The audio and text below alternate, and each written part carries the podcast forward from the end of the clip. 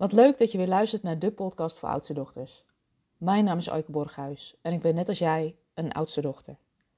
En in deze podcast wil ik het graag met je hebben over een lastige vakantie. Want ik weet niet hoe het voor jou was, maar wat ik om me heen heb gezien en ook zelf al gemerkt, is dat we best wel toe waren aan die kerstvakantie. Het afgelopen jaar mocht er misschien op een aantal vlakken niet zoveel en toch vraagt het veel van je, want het was iedere keer weer meebewegen. Meebewegen met de nieuwe regels. Meebewegen met kinderen die toch weer thuis waren. Partners die weer thuis kwamen te zitten met thuiswerken. Um, je werk wat je misschien anders hebt moeten organiseren. En veel van ons waren best wel toe aan gewoon even een week niet te veel moeten en keken er naar uit. En de afgelopen weken heb ik al een aantal van mijn klanten gesproken en ik merk het zelf ook. Als je zo toeleeft naar die vakantie, dan heb je ook het gevoel dat het allemaal leuk moet zijn en gezellig moet zijn. En zo vlak voor de kerstvakantie werd ook ineens duidelijk dat de scholen weer dicht gingen. Maar niet alleen de scholen, ook alle leuke dingen waar je misschien op verheugd had, konden niet doorgaan. Um, afspraken met vrienden om elkaar te zien rondom de kerst en rondom oud en nieuw. Waar je misschien normaal gesproken een keer zou gaan bolen met je gezin of een filmpje zou pakken in de bioscoop. Ineens was dat allemaal niet mogelijk. Dus we werden ineens weer stilgezet. En dat stilzetten, dat is voor veel oudste dochters best wel lastig. Want we staan vaak aan voor alles en iedereen. We werken vaak hard. En dan kom je ineens thuis te zitten. En hoe kom je dan vanuit eh, ja, die, toch die drukte ineens in die rust? En ik heb gemerkt dat dat voor veel oudste dochters best lastig is.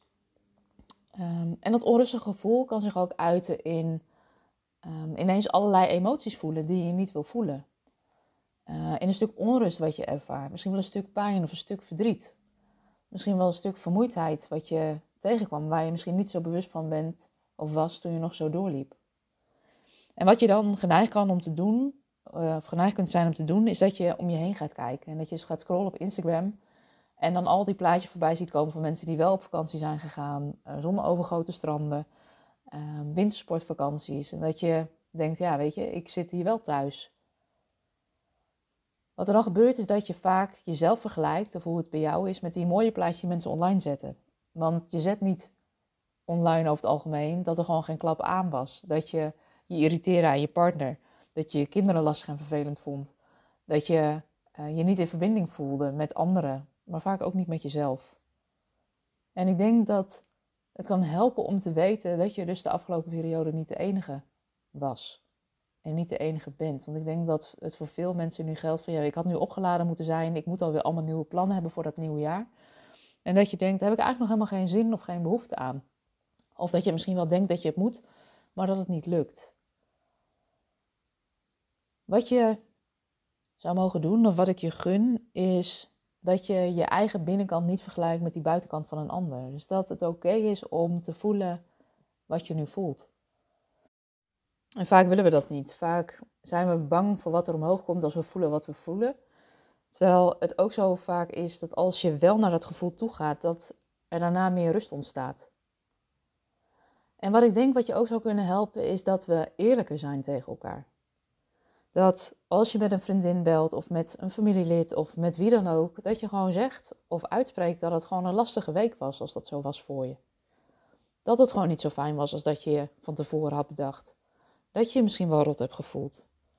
Want door daar open over te zijn, geef je de ander ook toestemming om dat ook te doen. Want in dat rotgevoel of in dat vakantiegevoel wat misschien minder fijn was als dat je had gehoopt, ben je echt niet de enige.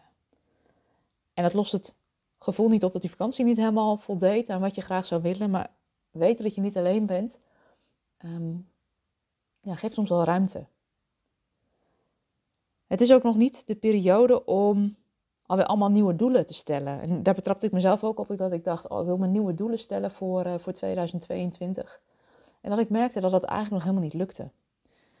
En dat is ook eigenlijk logisch, want we zitten nu nog volop in de winter. Dus het is nog helemaal niet de tijd om um, allemaal weer gericht te zijn op die buitenwereld en alles wat je daar wil doen. Dus het is oké als je nu voelt van ik ben nog moe of ik heb nog niet zoveel zin om jezelf de toestemming te geven dat je de komende weken gewoon nog even rustig aan mag doen. Kijk of je wat meer kan afstemmen op het ritme van de natuur. De nachten zijn nog lang.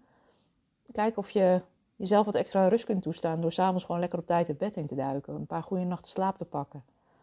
Je zult merken dat dat je meer op gaat leveren dan nu krampachtig en vanuit een gevoel van moeten alweer allerlei doelen te stellen voor het komende jaar. En met deze boodschap wil ik deze podcast ook afronden. Ehm, ik denk niet dat iedereen zo'n toffe vakantie heeft gehad als dat ze online hebben laten zien. We zijn gewoon mensen, jij en ik. En je neemt jezelf ook gewoon mee in die vakantie. En gun het jezelf om de komende weken gewoon nog weer rustig aan dat nieuwe jaar in te glijden. Rust lekker uit, laat lekker op. En ehm, tegen de tijd dat het lente wordt en weer zomer wordt, zijn we er weer helemaal. Voor nu wens ik in ieder geval een hele fijne dag.